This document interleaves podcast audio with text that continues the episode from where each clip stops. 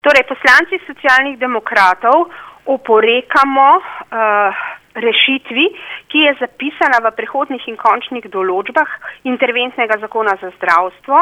To je tako imenovani 18. člen, ki govori o temu, da se do, sedani, eh, do sedaj zbrani denar na podlagi 50% uh, dobička, ki se je zbiral v zasebnih zdravstvenih zavarovalnicah iz naslova dopolnilnega zdravstvenega zavarovanja in se nekje shranjeval na tem rezervnem skladu, da se ta denar preusmeri v krepitev kapitalske ustreznosti zasebnih zavarovalnic. Trdimo, da ni nikakršne potrebe za takšno rešitev, ker nam Evropska komisija v zvezi s tem ni izrekla nikakršnega mnenja, torej sekiramo se na nekaj na zalogo. Menimo, da je to denar, ki je bil zbran od zavarovancev in da ga je treba zavarovancev tudi vrniti. Zato predlagamo, naj se spreme rešitev, da se denar zavarovancev, ki se ga je od leta 2006 do danes nabralo 30 milijonov, porabi izključno za dopolnilno zdravstveno dejavnost ali na način znižanja premij ali na kakšen drugačen način v roku šestih mesecev. Dejstvo je, da je dopolnilno zdravstveno zavarovanje, kot ga poznamo v Sloveniji, evidentno sestavni del zagotavljanja celovitega zdravstvenega varstva, ki je v javnem interesu, kar nažalost Slovenija na, pred Evropsko komisijo ni znala ustrezno prikazati. Zato uh, bi bilo nujno, da se pravzaprav uh, stvari uredijo na način, da se tudi v bodoče takšne interpretacije v korist kapitala ne bi mogle več sprejemati.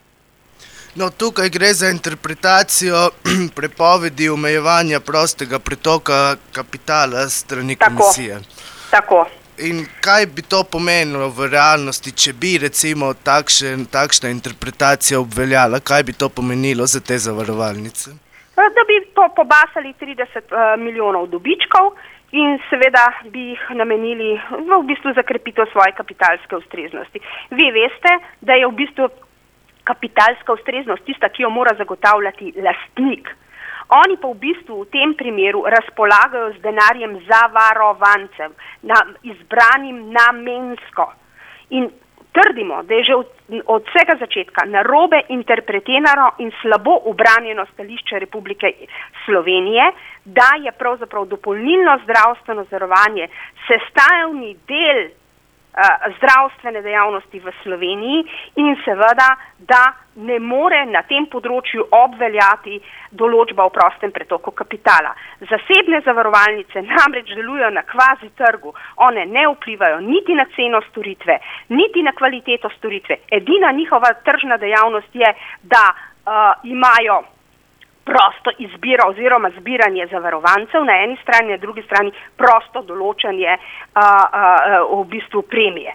Vse ostalo pa ni tržna dejavnost. In na ta način so si ustvarili izredne viške, kot vidite, na vkljub temu, da imajo že sedaj za svoje delovanje več kot 10% denarja, to se pravi bistveno več kot eh, javna zavarovalnica, ki za ta namen porabi samo 2%, vse skozi ustvarjajo viške, kar evidentno dokazuje, da pravzaprav tukaj ne gre za, za neko dobro gospodarjenje, kot oni želijo prikazati in prost pretok kapitala, ampak da gre za ustvarjanje dobičkov na račun zavarovancev oziroma previsokih eh, zavarovalnih premij.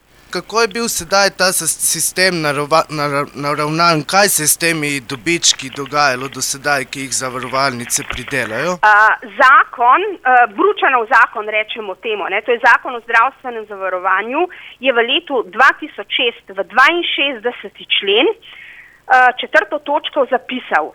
Javni interes Republike Slovenije na področju dopolnilnega zavarovanja se uresničuje tako, da morajo zavarovalnice sredstva iz poslovanja dopolnilnega zavarovanja uporabiti le za izvajanje tega zavarovanja. V primeru pozitivnega izida morajo polovico tega izida nameniti za izvajanje dopolnilnega zavarovanja. To se pravi, ta denar se je ustvarjal, vendar na nek način deponiral v tem tako imenovanem rezervnem skladu. No, sedaj boste imeli še verjetno usklajevanja z drugimi koalicijskimi partnerji. Pričakujete, da bodo sprejeli to dopolnilo in da bo to dopolnilo spremljivo za Evropsko komisijo? Lejte, um, seveda bom skušala storiti vse, da svoje koalicijske kolege prepričam v to rešitev, kajti mi se pogovarjamo o obrambi javnega interesa nasproti zasebnemu kapitalu. Uh, dejstvo je, da Evropska komisija doslej še ni uspela na sodišču dokazati, da je Slovenija ravnala, če hočete, tako v nasprotju z, z uh, um, evropsko zakonodajo. Predvsem pa je potrebno posebej dokazovati stvari, ki veljajo za nazaj, tako imenovana retroaktivnost.